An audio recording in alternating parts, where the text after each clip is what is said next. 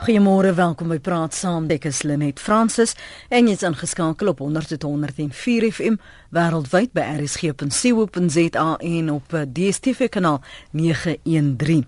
Verskeie politieke partye het verlede week by die amptelike bekendstelling van die 2016 plaaslike verkiesing deur die onafhanklike verkiesingskommissie se kantore opgedaag en gesê hulle is slaggereed vir die komende munisipale verkiesings.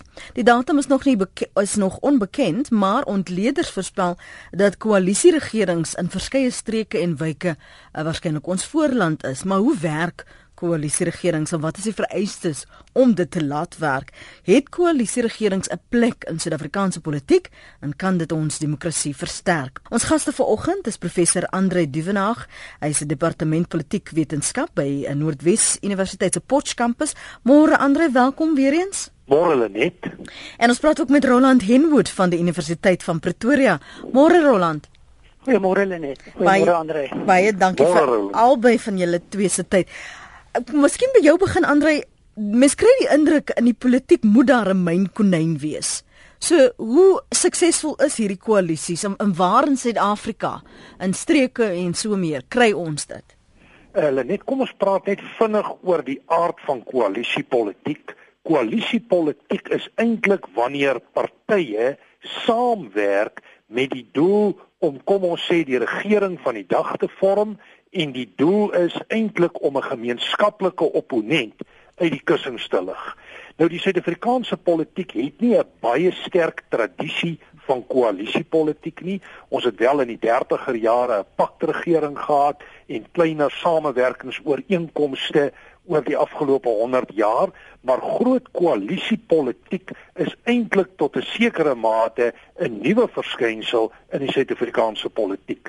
Ons tradisie is baie sterker een party dominant. Ons het dit gesien sedert 1948 met die Nasionale Party en sedert 94 weer met die ANC. Maar met die huidige tendens wat besig is om uit te speel waar die ANC se steunbasisse toenemend onder druk kom, gaan ons vorentoe wat my betref al hoe meer koalisiepolitiek sien. Mm. En ons gaan dit veral in jou stedelike omgewing sien en tot 'n sekere mate in sekere provinsies, byvoorbeeld die Noord-Kaap en die Wes-Kaap, maar ek dink koalisiepolitiek in die toekoms gaan 'n baie belangrike rol speel as wat die geval was in die verlede en dit is nie noodwendig 'n slegte verskynsel. Hmm. Maar Roland, as dit 'n geval van ek kan nie anders sê ek moet maar saam in jou in die bed klim.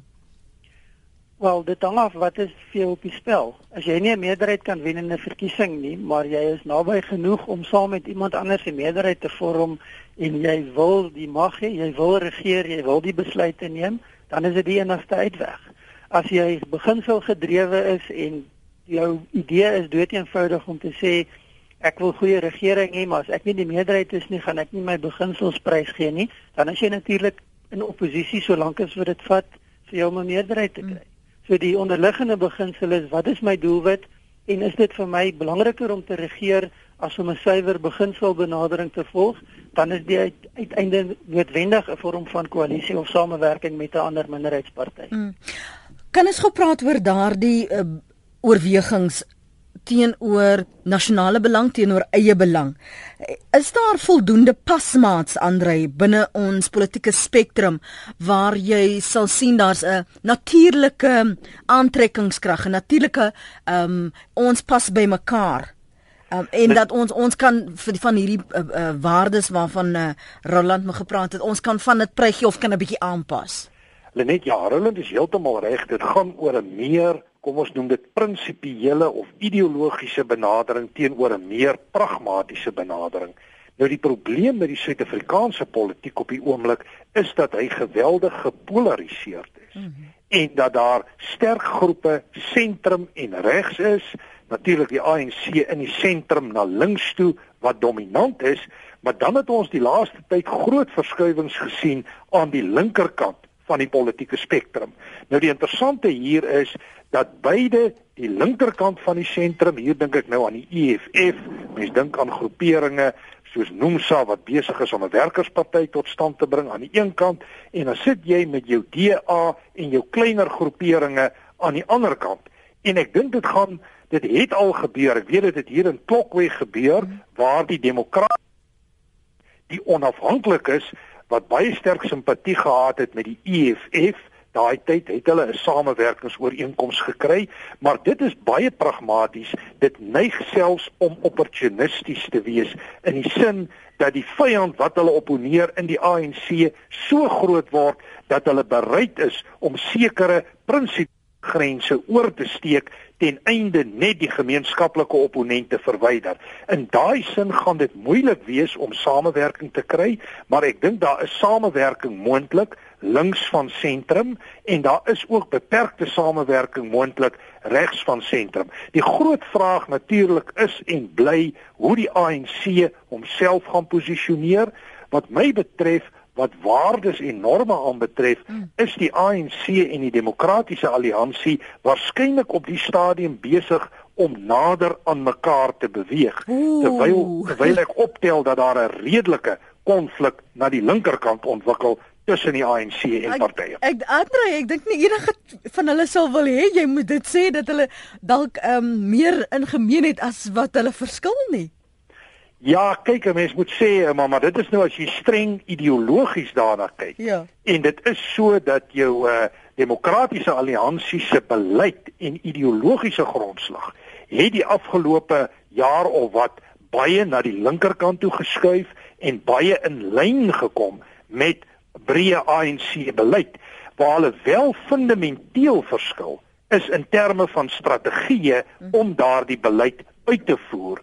Maar ek weet daar word in sekere kringe na die demokratiese alliansie verwys as byvoorbeeld ANC light ons dink byvoorbeeld aan die gesprek op die oomblik rondom die aangewese burgemeester mm, mm. van die demokratiese alliansie en standpunte rondom swart bemagtiging. Mm. So dis duidelik hulle het ideologies nader aan mekaar beweeg, maar dieselfde asem is die ANC ook besig om na links te skuif ten einde sy rug toe te maak teen die EFFs en die NUMSAS. Dalk wil jy Roland haar op kommentaar lewer maar ook vir ons um kommentaar lewer op die gemors van daardie koalisie in Klokwet. Dis die een geveg en na die ander en dit lyk nie daar word enigstens uitgekom by bestuur nie. Is dit dan nou die prentjie van wat jy te wagte is as jy praat van 'n koalisie regering? Ja, ek wil onmiddellik sê, ehm um, ek stem saam met Andre, maar hier praat mense van makro tendense oor 'n baie langer termyn. Ek dink as ons meer korttermyn kyk, dan is die politiek van eie belang baie groot op die stadium en dit is waarskynlik een van die belangrikste dryfvere veral op plaaslike regeringsvlak. En dit is een van die groot leemtes wat onderliggend is aan tereg soos wat jy noem die gemors wat 'n mens sien. Ehm um, ongelukkige geskiedenis van samewerking op plaaslike vlak in baie gevalle in Suid-Afrika. En die rede daarvoor is nie die ideologiese spanning of verskil of dit nie. Dit gaan grootliks oor eie belang. En en dis een van die leemtes van koalisieregerings is dat kleiner partye selfs 'n individu in sommige gevalle verkry buitengewoon hoeveelheid aansien of mag omdat daai persoon kan besluit watter van die partye gaan in regering wees net deur te sê ek stem saam met jou of ek nie ek stem saam met die ander party. En dan kry ons ongelukkig dat beginsels nie meer tel nie, die riglyne van partybestuur en verteenwoordiging en burgerskap verdwyn. Hm. Dit gaan oor my eie belang, ek is magtig en wat kan ek afdwing of eis om die ondersteuning van ander partye te kry? En die die die ander nadeel hiervan is natuurlik dat jy 'n meerderheidsparty of dan die sterkste party binne hierdie koalisie se mag reduseer. Mm. En eintlik gevange hou. So so in daai opsig is dit 'n baie negatiewe prentjie. Koalisies is nie veronderstel om so te werk nie en dit is nie die praktyk waarop koalisies gebou is nie. Maar dit is een van die gevolge van die tipe politiek wat ons op die stadium in Suid-Afrika hmm. sien. Pieter Mulder is op die lyn, hy is op lyn 2 môre. Goeiemôre, Lenet. Uh, kom ek sê gou net uh, president Nage is reg as hy sê waaroor die DA en die ANC wat ook reg is, maar dis nou 'n ander punt daai. Hy's reg as hy sê Suid-Afrika het 'n geskiedenis van eintlik twee party stelsel. Ons het nie regtig geskiedenis van koalisie nie. Maar wat ons nou wel by sê, gewoonlik in 'n kiesafdelingsstelsel, het jy 'n twee party stelsel. Amerika het hoofsaaklik 'n twee party kiesafdelingsstelsel, dan kry jy Republikeine en Demokrate. Engeland het 'n kiesafdelingsstelsel, arbeiders en en, en uiteindelik konservatiewes. Maar ons het in 94 oorbeweeg na proporsionele kiesstelsel toe waar jou persentasie dan nou bepaal wie gaan waarheen. en dit was juis en ek was by Kodesa. Mm -hmm. Dit was juis die gedagte om dit as 'n ekstra check and balance in te bou dat 'n party nie te sterk moet wees nie want in 'n proporsionele stelsel sê dit maar Duitsland of waar kry die sterkste party miskien 43 45% en dan moet hy met ander partye saamwerk en dis 'n ekstra soort van kontrole. Nou Suid-Afrika tot nou toe het dit nog nie gewerk nie omdat die ANC in nasionale verkiesings nog elke slag 60+% kry, so ons het nog nie die voordeel gehad nie. Wat wel interessant is is dat nou by die stadsraadverkiesings dink ek gaan ons vir die eerste keer op groot skaal sien dat die koalisie ding begin inskop en ek dink dit is baie belangrik as 'n ekstra kontrole. Wat mens wel moet bysê is en dit is nou maklik om te sê ideologies die of daar hmm. tot 'n groot mate bepaal die uitslag van so 'n verkiesing. Wat die koalisies is, is dit nodig, is dit nie nodig nie. Kom ek gee een voorbeeld net. Kom ons aanvaar Port Elizabeth, want dit is een van die wat nie gedrang is. Kom die ANC onder 50%, kom ons sê ek kry 48 die syfers sal vir jou wys dit beteken nie noodwendig dat die DA nou 52 het nie, hy mag nou 30 of 33 hê. En dan is dit koalisies kwart, watter partye is die vryheidsrond bereid om saam te gaan? Ja, ons is bereid saam met die DA. Wie gaan tot by 50%? Kom jy nie by 50% nie, sê maar die EFF kom in, is hy bereid om saam met die ANC by 50 te kom? En dis die debatte wat gaan plaasvind na die tyd. Mm uh, kom ons vat jy sê Potchefstroom se gemors, ek woon in Potchefstroom. Ek dink wat hom 'n bietjie moeiliker maak is dat dit nooit werklik Eh, 'n uh, polisie is gewoonlik 'n langtermyn ding. Dit het gegaan oor die sewe tussenverkiesings wat gemaak het dat die ANC tydelik nie in die meerderheid was nie. Toe kon die Vryheidsfront saam met die DA en ander party plek regeer, maar elke slag se verkiesings verby het as die ANC weer in die posisie wat ek dink hom 'n bietjie moeilik gemaak het. Ons het suksesvolle koalisies gehad, soos in George. Vryheidsfront het die DA saam. Hmm. Richards Bay bevoel was dat die vraag tussen die ANC en die KATA omtrent gelyk op gewees en toe moes die Vryheidsfront kies. Ons het gekies om saam met die KATA te gaan. Ons sal nooit saam met die ANC werk nie maar dit is nie 'n maklike soort van stelsel nie. Wat die kiezer betref, is die voordeel hy kan dan hooplik stem vir die party wat die naaste aan sy waardes is en die party moet dan daai in die koalisie indra en daai waardes daar beskerm en dan moet hulle vir dan volwasse saamwerk uiteindelik in belang vir al die mense. Hmm. Kan ek jou baie positief maar ook negatief, ja. Ja, omdat jy insig het en en al om so tafel gesit het, wat is die oorwegings tydens so 'n onderhandeling? Ehm um, sodat dit en kan dit werklik 'n wen-wen situasie vir almal wees? Want aan die einde van die dag is dit nog steeds 'n ons vorm nou 'n sterker uh, oppositiepartye.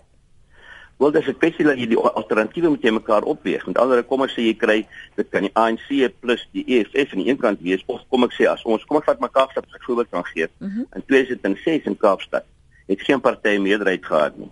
Die ANC was die sterkste party, maar die Vryheidsfront het eintlik die DA was die tweede sterkste gewees, maar ook nie meerderheid gehad nie. So die Vryheidsfront het saam met die ACDP en saam met van die ander kleiner partye 'n koalisie gevorm met 'n meerderheid van een letterlik en daardeur het ons uh, mevrou Zille burgemeester gemaak maar ons het geëis ook ons wil die speaker wees alhoewel ons baie klein was en ons het die speakerskap gekry en vir 2 jaar effektief so kon begeer in belang van van die dorp stad. En ons dink dis beter belang met verstandige leiers. Die dilemma wel waar. Ek vat nou in George. Nou bied hulle vir jou aan. ANC sê jy kan die burgemeesterskap kry en hierdie een sê jy kan dit kry en probeer die individue met geld koop. En toe moes ons van bo af bevoel opdrag gee dis die feit ons werk so ons werk so saam dit gaan nie oor persoonlik dit en dat nie. Jy gaan nie burgemeester wil saam met die ANC nie jy gaan uiteindelik saam met daai inwerk in belang van die beleid en die ideologie vorentoe wat ons dink in belang van die dorp is. En dit is self die twee kante van die saak. Hmm. en en wat wat gee jy prys in die proses? Jy gaan met kompromie maak weer lopend uiteindelik tot op 'n punt. Met ander woorde jy sê dis my beleid ek glo vrye mark ek glo in dit en 'n beter infrastruktuur of waar en dan eis die ander party iets anders en dan gebruik jy jou bedinging. Ek weet of ek nou Kaapstad kan gebruik net op 'n stadium in Kaapstad was dit weer naamveranderinge van strate wat ons gesê het ons dink dis reg as strate aanstoot gee moet dit verander word. Mm. Vir goed op die tafel kom, toe word al die Afrikaanse name benadeel en niemand anders nie. En kon ons uiteindelik met ons balans as 'n klein partytjie uh, dit vir toe of dit verander. Maar dit kan wees dat na 'n onhoudbare situasie word en dan breek jy die koalisie op. Wat eintlik drasties is en hooplik nie gebeur nie. En die hele tyd is daar onderhandeling om kompromieë te bereik. Uh, dis die positiewe daarvan, maar jy het 'n bietjie verstandige leiers nodig om dit nie gemors te maak soos in sommige van die Weskaapse uh, kies uh, uh, dorpe gebeur het met die mense wat rondgespring het tussen partye en ek dink aan Oudtshoorn en daai plekke. Mm -hmm.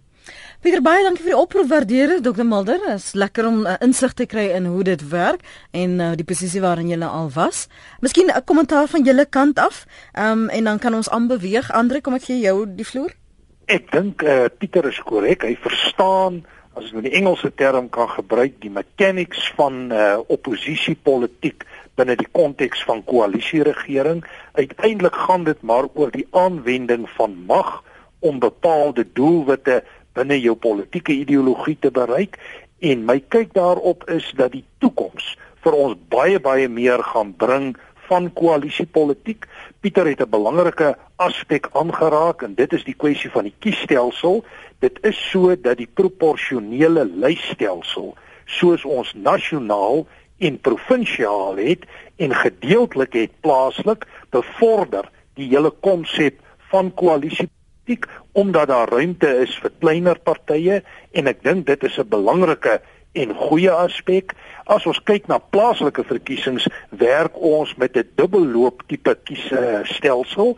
Aan die een kant het jy 'n proporsionele lysstelsel en aan die ander kant het jy wyke waarin mense vir kandidate stem wat die kiesstelsel uiteraard meer kompleks en meer ingewikkeld maak. Maar dit is so, daar is ruimte vir kleiner partye, hulle kan invloed uitoefen en in die toekoms glo ek gaan hulle meer invloed uitoefen.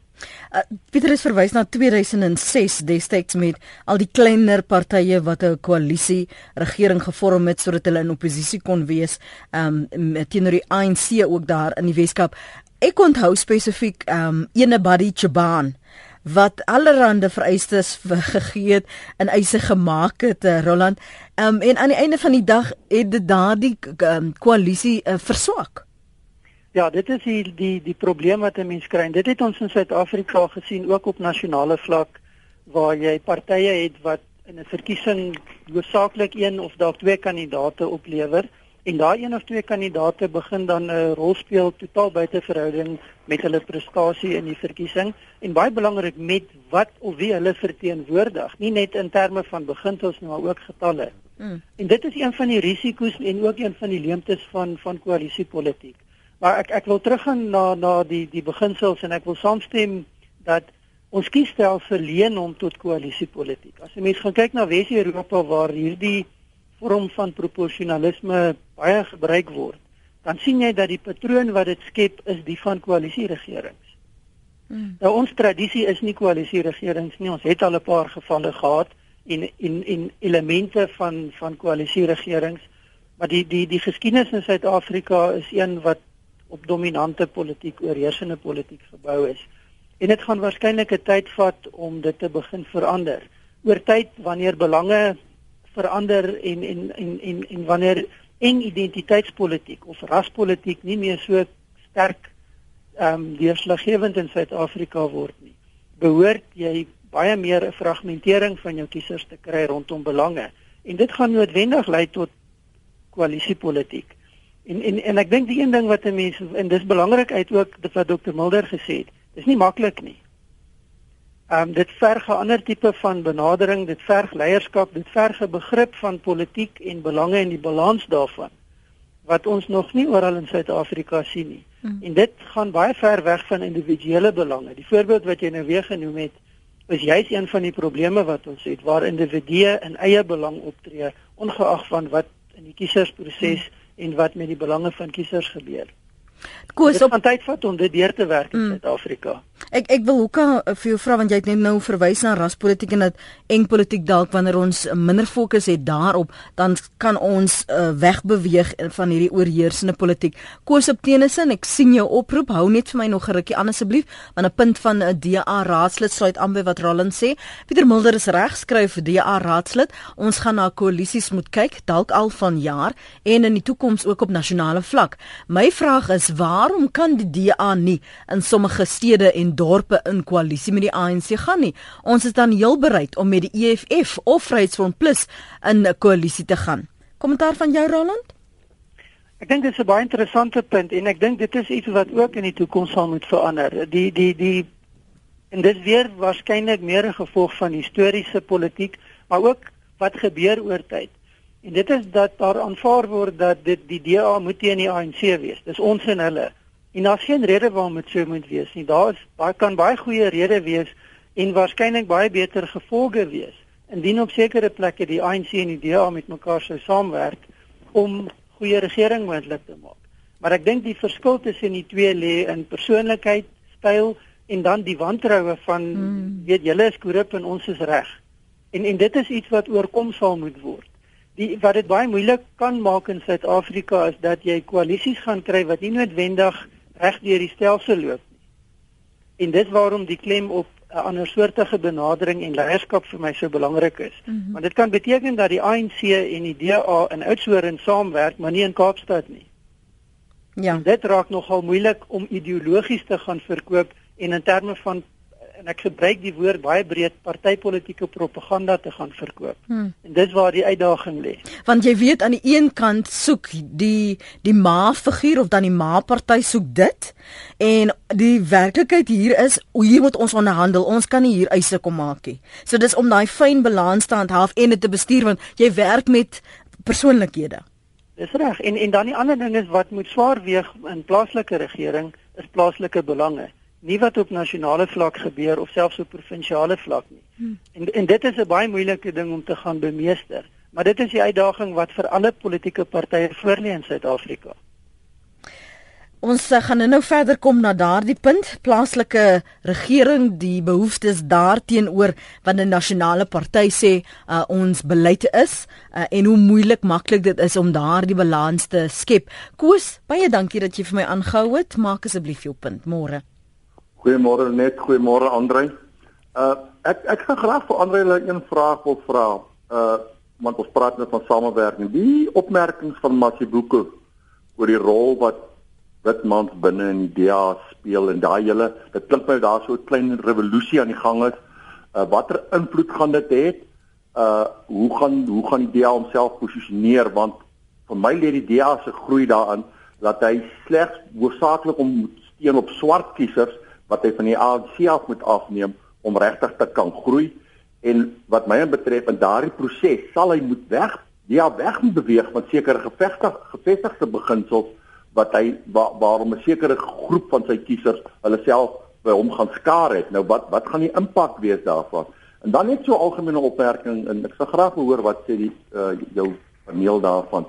En ek het al hierdie saak geopper maar ek het nie regtig antwoord gekry nie My groot kommer op die oomblik is in hierdie proses van politieke spel is is die partybelang, maak nie saak ANC of DLB, is nou so van meer groter belang as die eie land se ekonomiese groei, ekonomiese vordering in die land, die die beeld wat die land na buitekant toe uitstraal. Ons het nou gesien met Davos en alles. Mm. My vraag is net uh, uh Wanneer gaan wanneer gaan politieke partye besef dat hierdie is 'n gevaarlike spel want ons is besig om ons ekonomie lam te lê deur dit wat aangaan omdat ons meer na ons eie partybelang kyk of sien ek dit verkeerd? Is dit nie dalk 'n kwessie van dat die ANC nou net kyk hoe kan die ANC bewind bly en die DA kyk hoe kan ons aan bewind kom nie. Ek ek vra maar net die vraag. Baie dankie. Baie dankie Koos. Ehm um, Koos se vraag, miskien moet ek net vir ons luisteraars in die algemeen sê, onthou dit is ontleding, dit is spekulasie, dis 'n uh, voorspellings, dis nie noodwendig hoe dit is nie of wie waar nie. Ons moet maar wag vir die politieke uh, plaaslike verkiesings uh, later van jaar. Ons weet nog nie wat die datum is nie, maar ons moet wag en tot dusver spekuleer ons maar net. So Koos se punte wat hy gemaak het oor uitsprake, kom ons gooi dit sommer onder boeg van algemene uitsprake. Die EFF, ANC maak ook uitsprake hoe dit die dinamika binne 'n party kan beïnvloed. Um, Andrei veral as jy dink dat daar verskillende ook vanuit die DA is dit ook partye wat bymekaar gekom het. Almal is nie noodwendig altyd op dieselfde bladsy nie. En die politieke spel wat gespeel word juis met eie belang teenoor ons, die ons en die hulle en ons ekonomiese groei wat kan inboet. Lenette Koos se twee vrae is baie geldige vrae. As ek vinnig op die DA vraag kan reageer, die DA as 'n party het oor die laaste dekade of meer 'n baie sterk groeipatroon gehad maar dit is vir hulle duidelik dat hulle steunbasis wat primêr onder die minderheidsgroepe was, hulle nie veel verder gaan bring as hier 25% plus nie en het die DA onlangs met 'n daadwerklike poging begin om steun in jou swart gemeenskappe te laat groei, te definieer en verder uit te bou. En ek moet sê hulle was relatief suksesvol in die verband. Maar die groot vraag bly as jy in daai omgewing inbeweeg, tot watter mate gaan jy jou bestaande steunbasisse behou? En hier lê die groot toets vir die demokratiese alliansie. Wat wel so is, is dat die DA in die voordelige posisie is dat hulle nie met baie sterk opponente te maak het ten opsigte van die sentrum nie. Maar dit is vir my duidelik dat die DA ideologies nader beweeg aan die ANC ten einde daardie swart steun te kan ontsluit. Maar ons sal maar aan die verkiesing moet kyk tot watter mate sy tradisionele steunbasis hom wel in hierdie opsig steun. My kontak met van die DA mense het hulle wel vir my laat weet dat hulle goeie hoop het dat hulle hulle steun verder kan uitbou en kan konsolideer.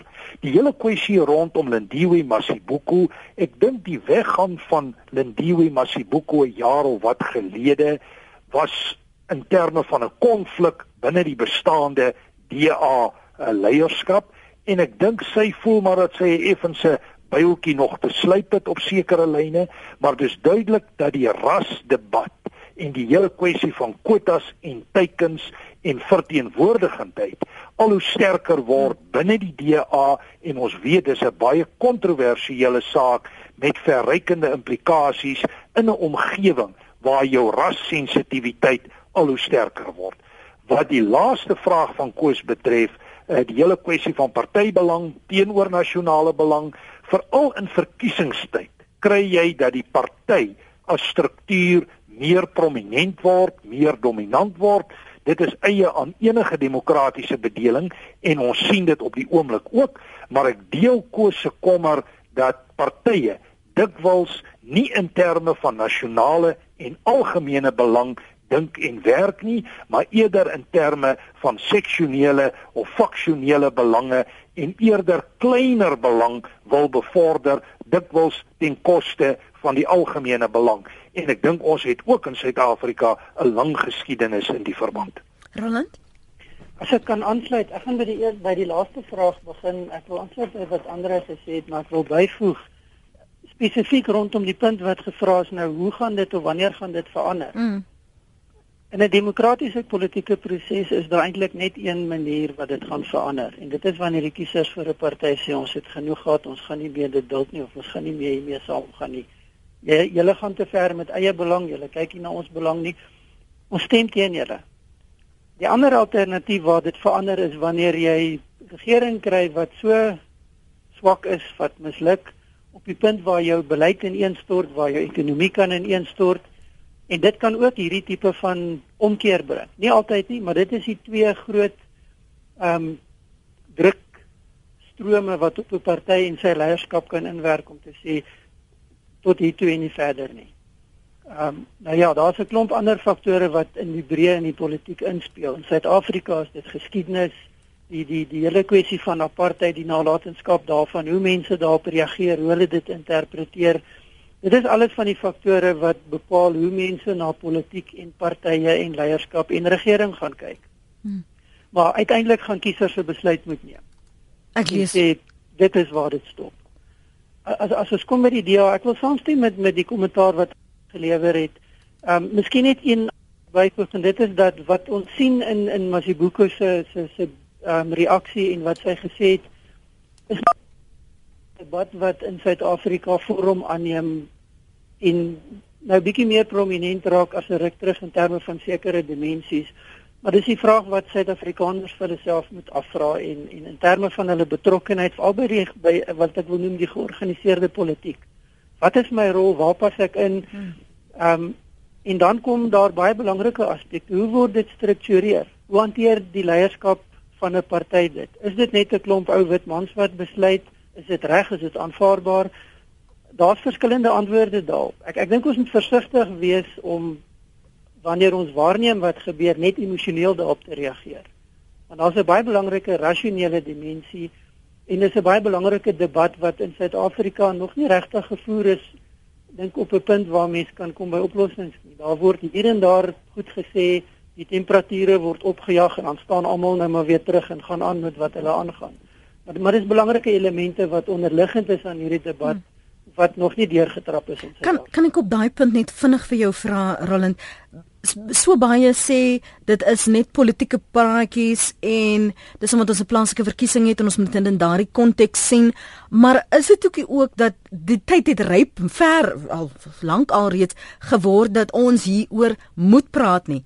Dit is ongelukkig sodat dit ook nou uh, binne 'n uh, uh, tydperk van 'n verkiesing is Ja, dit is wat dit moeilik maak want nou kry jy wat ek wil noem goedkoop politiek, emosionele politiek. Dit gaan oor die uitbuiting van sentimente en vrese en en allerlei emosionele reaksies. Die debat moet gevoer word. Die debat moes al gevoer gewees het. Maar ek dink ons het nog nie die en ek, ek gaan nou 'n ding sê wat dalk baie mense kan omkrap. Ek dink ons het al die volwassenheid aan die dag gelê om die debat sinvol te voer. Nie.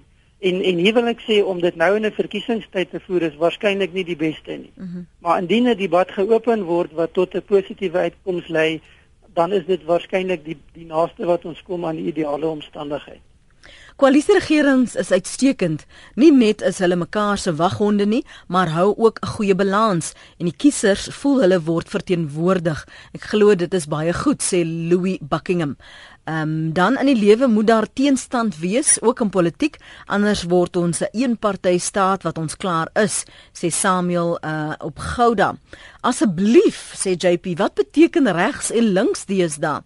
Melvin van Woester wil dit ook weet. Wanneer is 'n party links en wanneer is dit nou regs? Ehm um, en uh, 'n ander luisteraar sê van 'n politieke party is niks anders as die ANC in blou nie. Die verskille is meer eie belang, etiek en insig as beginsels. Dis Dirk se mening daardie. Kom ons hoor wat het Wouter te sê voordat ons praat oor wat is links en wat is regs. Wouter, dankie vir jou oproep. Jy het blykbaar teruggebel. Dankie daarvoor. Dankie Lenet. Afgesny vroeër. Uh, my leier Dr. Mulder het gesê wat ek wou sê, maar jy weet koalisies tot 'n groot mate is soos enige stelsel het nadele en het voordele. Jy weet die een party stelsel het nadele en het baie min voordele in hierdie stadium wat ons sien, want een party regeer, jy weet kom ons kyk na plaaslike regerings. Die meeste munisipaliteite en ek is nou in die in die Vrystaat. Jy weet as ek 'n munisipaliteit soos Masoloniana vat wat uh, die ANC oor die 80% het. En die munisipaliteit met raadslede van 20 en jy het ANC raadslede en jy het net 4 oppositielede en daar's baie min wat die oppositie werklik kan teenoor sê en daardie totale oorheersing van een party maak dit baie moeilik om werklik dienste kan lewer. Kom ek noem nog 'n voorbeeld. Jy weet van meer op nasionale politiek. In 2011 was daar erge onderwysstakings en uh, die die onderwysers het gestaak met matriek eksamens was in chaos. Uh, luister ons sal onthou. In 2012 in Januarie het die kabinet hulle godplaas gehou en die kabinet het aangekondig hulle wil onderwys 'n noodsaaklike diens maak wat soos polisie en ambulanse en daai tipe jy mag nie staak nie as 'n essential service. Hmm. En daar diskurs wat deel is van die aksie en chaos en is totale chaos en dat uh, jy kan die reg van onderwyser ontneem om te staak nie en ewe skielik sê uh, die kabinet weer nee nee nee hulle het eintlik net gesê dis 'n belangrike beroep hulle het nooit gesê dit moet 'n essential service wees nie. Wat probeer ek sê? Een party met al die diversiteit in Suid-Afrika. Ek praat nie van rasse diversiteit nie. Ek praat van baie meer komplekse diversiteit.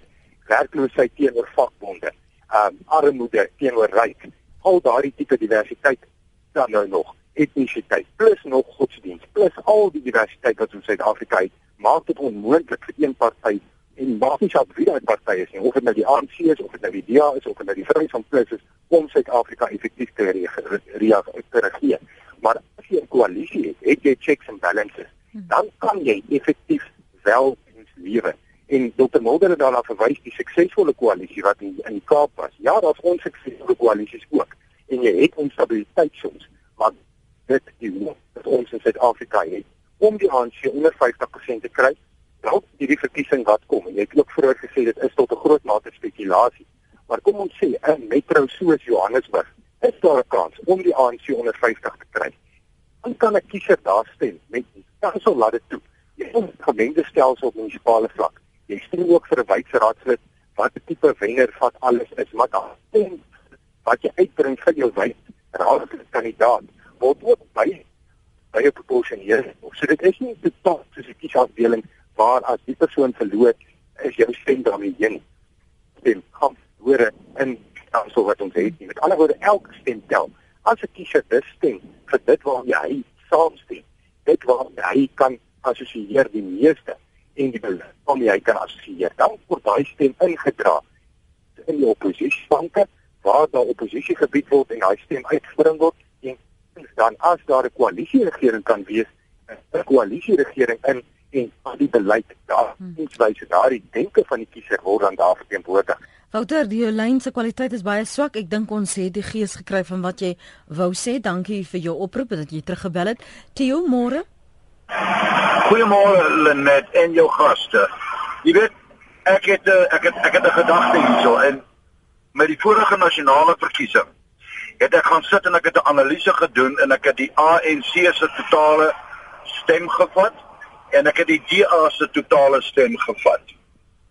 Ek het dit teenoor mekaar gaan sit en ek het hierdie versplinterde magsbehepte uh versplinterde politieke partye se stemme almal bymekaar getel. Almal. Hmm. En ek het hulle 50-50 gaan deel tussen die ANC en die DA. En weet jy wat was die konklusie? Indien daar twee party politiek in Suid-Afrika gespeel is, het die DA met die oorgrootste meerderheid weggeloop. Dit bring my by die volgende vraag. Die oomblik toe daar krisis in die ANC kom, toe skielik pop koop op. Na die verkiesing toe raak pop weg. Nou is daar 'n tweede krisis en skielik is EFF daar. En ek glo vandag dat die EFF praat die ANC taal wat hulle nie mag praat. So my vraag is, hoekom kom die kleiner partye nie bymekaar en sê mense, ons is besig om ons politieke speelveld te versplinter totaal en dit werk die die die regerende party absoluut in hulle hande. Dankie vir jou bydrae Theo.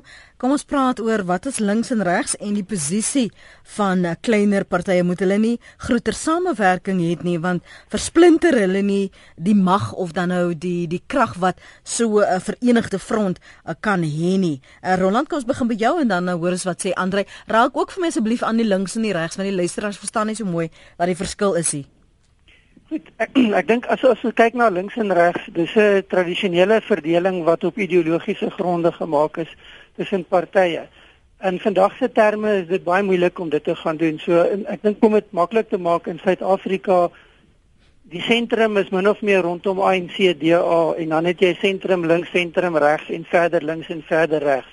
So dit gaan maar net oor 'n oor 'n verdeling van partye op 'n spektrum om 'n relatiewe indruk te kry van waar staan partye naas mekaar in terme van 'n uh, 'n breë ideologiese oriëntering ten opsigte van politiek en hoe hulle sou regeer. Um as as ons kom by die kwessie van verdelings en en en en partye in 'n ideale wêreld is daar 'n A en 'n B party en almal pas daarbey in. Dit werk nie regtig so nie. Mense het verskillende idees, verskillende belange, um vrese en daarom assosieer mense rondom belange en identiteitselemente en en 'n hele veelheid van faktore en rondom dit vorm politieke partye. In Suid-Afrika het ons 'n element wat baie sterk is en dit is dat partye vorm ook rondom individue of die afkeer van individue, leiers of die voorkeur vir bepaalde politieke leiers. Ehm um, die IFP is baie sterk gevorm rondom die leierskap van ehm um, meneer Buthelezi. Ehm um, het begin vorm rondom 'n uh, afkeer en wat in die ANC gebeur het na die Polokwane konferensie, maar leierskapskonflik het gemaak dat die party nie werklik van die grond af kan kom nie. So mense moet pas op om die debat te reduseer tot 'n baie simplistiese benadering van daar's eintlik twee opsies en ons moet kies tussen dit. Die die, die politiek in Suid-Afrika is baie meer kompleks as dit en mense neem besluite rondom wat hulle dink is in hulle eie belang. Ek dink 'n element wat wel baie belangrik is onderliggend aan hierdie debat is die kwessie van deelname. Indien meer mense sou deelneem, veral op plaaslike regeringsverkiesings, gaan dit nie net die belang van hierdie verkiesings verhoog nie, maar ook die invloed wat dit het op politieke leiers en op plaaslike regerings se funksionering. Hmm. Maar om weg te staan te kritiseer en en en eintlik te sê dis 'n gemors ek stel nie belang nie, is juis besig om hierdie proses van swak regering in die hand te werk. So uh, dis baie belangrik dat kiesers 'n uh, oorwoë mening sal hê, 'n uh, ingeligte mening sal hê, maar dan deelneem. Hmm. Dis 'n aanleiding van van 'n uh, uh, SMS Jan wat hy skryf Andre. Hy sê ek wil net vra moet die koalisie gevorm word voor of na die verkiesing want as dit na die verkiesing gevorm word, gaan die kundige kiezer in die meeste gevalle 'n wegbly stem word omdat mense min of meer kan sien watter party in hulle wyke die sterker een is wat hulle miskien nie uh, andersins sou kon sien nie. Uh, miskien moet ons daaroor 'n bietjie gesels uh, want dit, dit skep 'n ander scenario en miskien praat oor die die mag van kleiner ehm um, kleiner partye want wat as ek voel hierdie groter partye verteenwoordig my nie. Hulle ek sien nie my plek en rol by hulle nie, maar ek wil liewer my stem vir 'n kleiner party gee wat ek sien bedrywig is hier en dit is 'n plaaslike verkiesing. Die die impak van daardie oorwegings in die prosesse. Lenet ja, ek dink hier's 'n klomp sake op mm. tafel. Uh as ons net vinnig kyk na koalisievorming, ek kan nie regtig sien dat 'n koalisie voor die verkiesing gevorm kan word nie. Daar kan wel samewerking bestaan, maar éventueel na die uitslag kan jy werklik eers beweeg na meer formele strukture en meer formele samewerking wanneer die steunbasisse en die balanse bepaal is. As ons kyk na klein partye is dit so dat hier 'n groot deel van die bevolking is wat nie voel dat hulle deur die groter partye verteenwoordig word nie, maar wat ons wel daar baie duidelik moet sê en daar verskil ek 'n bietjie van Tieu wat ingebel het en dit is dat daardie partye is geweldig divers. Hulle is wyd geposisioneer op die politieke spektrum. Dis nie noodwendig so dat hulle met mekaar kan of gaan saamwerk nie. Uh in daai sin dink ek die som wat gemaak is dat die kleiner partye en hulle steunbasisse saam met die DA 'n meerderheid kan vorm. Ek is nie oortuig dat daardie som heeltemal korrek is nie. As ek iets kan sê oor die links-regs verdeling. Ek dink dit is 'n bietjie 'n omstrede konsep in die politiek, maar dit is so dat jy meet 'n party se posisie in terme van die status quo of die bestaande orde as 'n party ten gunste is van progressiewe verandering, normaalweg goed wat met vryheid, gelykheid, menseregte, hervorming en so meer te maak het, dan posisioneer 'n party meer na die linkerkant tot by 'n punt waar 'n party radikaal word waar hy 'n geweldige frustrasie het met die bestaande orde. As 'n party die bestaande orde ondersteun, die status quo, dan word hy eintlik gesien as konservatief. Maar wanneer jy die status quo wil omkeer na 'n posisie in die verlede, kom ons sê 'n terugkeer na die boererepublieke of wat ook al die geval, dan word 'n party as reaksionêr gesien. Dan op 'n algemene punt Lenet, ons praat baie van bespiegelinge en so aan. Ek wil daarom vir die akademie en die politieke studie opkom. Ons kan wetenskaplik met uh, verkiesingswerk en ek moet sê as ek kyk sedert 94 was die akademici nogal relatief akkuraat hmm. met die voorspellings rondom verkiesings en ek is bereid om te te sê op hierdie stadium dat van die voorspellings wat in die media hardloop is wat my betref relatief akkuraat daar is geweldige druk op veral die ANC in sekere omgewings en daar is ruimte vir oppositiepartye om te herposisioneer en dit is sodat die linkerkant van die spektrum 'n groter impak gemaak, ja. maar ek dink die akademici kan dit lees en kan dit ook reg lees tot 'n sekere mate. Moet ek net opkom vir my verantwoordelikheid as 'n uitsaaier met 'n komende verkiesing is daar sekere vereistes waaraan ek ook moet voldoen uh vir die OVK en natuurlik ook die uitsaai klagte kommissie. So ons moet maar perspektief daar stel. Dis geensins ehm um, wil ek uh, disrespekvol wees teenoor teenoor die werk en stekende werk wat julle doen in julle ontledings nie Andre. Kan ek net dan vra wat leer ons um uit wat Wes-Europa reg kry waar daar wel koalisie regerings is en wat ons moontlik in Suid-Afrika kan toepas. Andre en dan gaan ek vir Roland groet. Uh net ek wil begin deur te sê die partye is baie naby aan die sentrum geplaas. Hulle is middelpunt soekend. Hulle werk saam en hulle kry dit reg om in terme van verdraagsaamheid 'n pad met mekaar te kan loop. Ek dink dis die belangrike les. En die woord wat Roland vroeër gebruik het om dit te beskryf is iets van 'n politieke volwassenheid. Ons omgewing is meer gepolariseerd. Daar is baie sterker stereotypes teenoor mekaar. Ek dink as ons vinnig net die DA ANC ding kan kyk, hulle is ideologies miskien nader aan mekaar, maar hulle hanteer mekaar as vyande en gevaarlike objekte tydens die verkiesing wat samewerking moeiliker maak. En ek dink daar het ons 'n pad om te loop. Die groot tekortkoming van koalisiepolitiek in alle opsigte is dat dit tot onstabiele uh, regering kan lei en dat dit nie altyd helder, duidelike besluite tot gevolg het nie. Van jou kant Roland?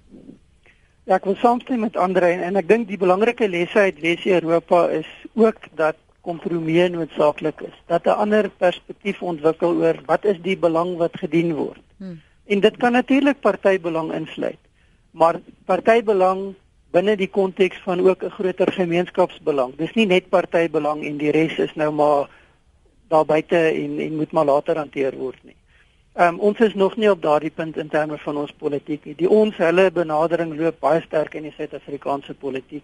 En dan baie belangrik, die die hele kwessie van ons hulle het natuurlik die woord wat ander gebruik, 'n vyandskap. Ek veg teen die vyand. En dis 'n baie gevaarlike konsep en 'n baie gevaarlike styl in terme van demokratiese politiek. Maar dan moet ons ook onthou en dit is vir my belangrik, ons is nog 'n baie jong demokrasie. Daar's nog baie lesse wat geleer moet word en die die die praktyke wat ons vestig wat ons demokrasie vorm is nog nie daar nie. Dit is besig om te ontwikkel oor tyd. So ja, dit lyk moeilik, dit lyk morsig, maar dit is 'n leerproses wat 'n mens moet deurgaan. Ek dink met alle respek teenoor jou verantwoordelikheid as uitsaaier, as ons kyk na die komende plaaslike verkiesing, is daar duidelike tekens dat ons wel 'n verandering in die historiese patroon kan begin sien hierdie jaar. Mm en dit gaan die ruimte skep vir hierdie ander dimensies van ons politiek om te begin ontwikkel.